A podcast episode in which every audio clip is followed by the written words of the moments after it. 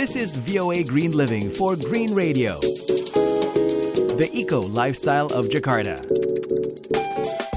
Halo sahabat Green, Sumber terbesar polusi partikel halus di dunia bukan kendaraan atau pabrik atau pembangkit listrik, tapi justru pertanian.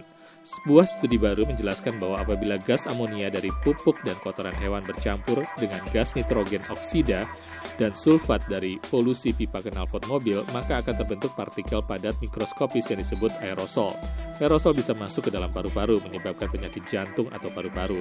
Diperkirakan polusi partikel halus udara itu menyebabkan lebih dari 3 juta kematian setiap tahun di seluruh dunia. Para penulis studi ini dalam Geophysical Research Letters menekankan bahwa penelitian mereka bukan untuk menghentikan penggunaan pupuk. Ilmuwan ahli atmosfer Suzanne Bauer, penulis utama studi ini mengatakan kami memperkirakan jumlah penduduk akan terus naik dan untuk menghasilkan lebih banyak makanan, kita membutuhkan lebih banyak pupuk.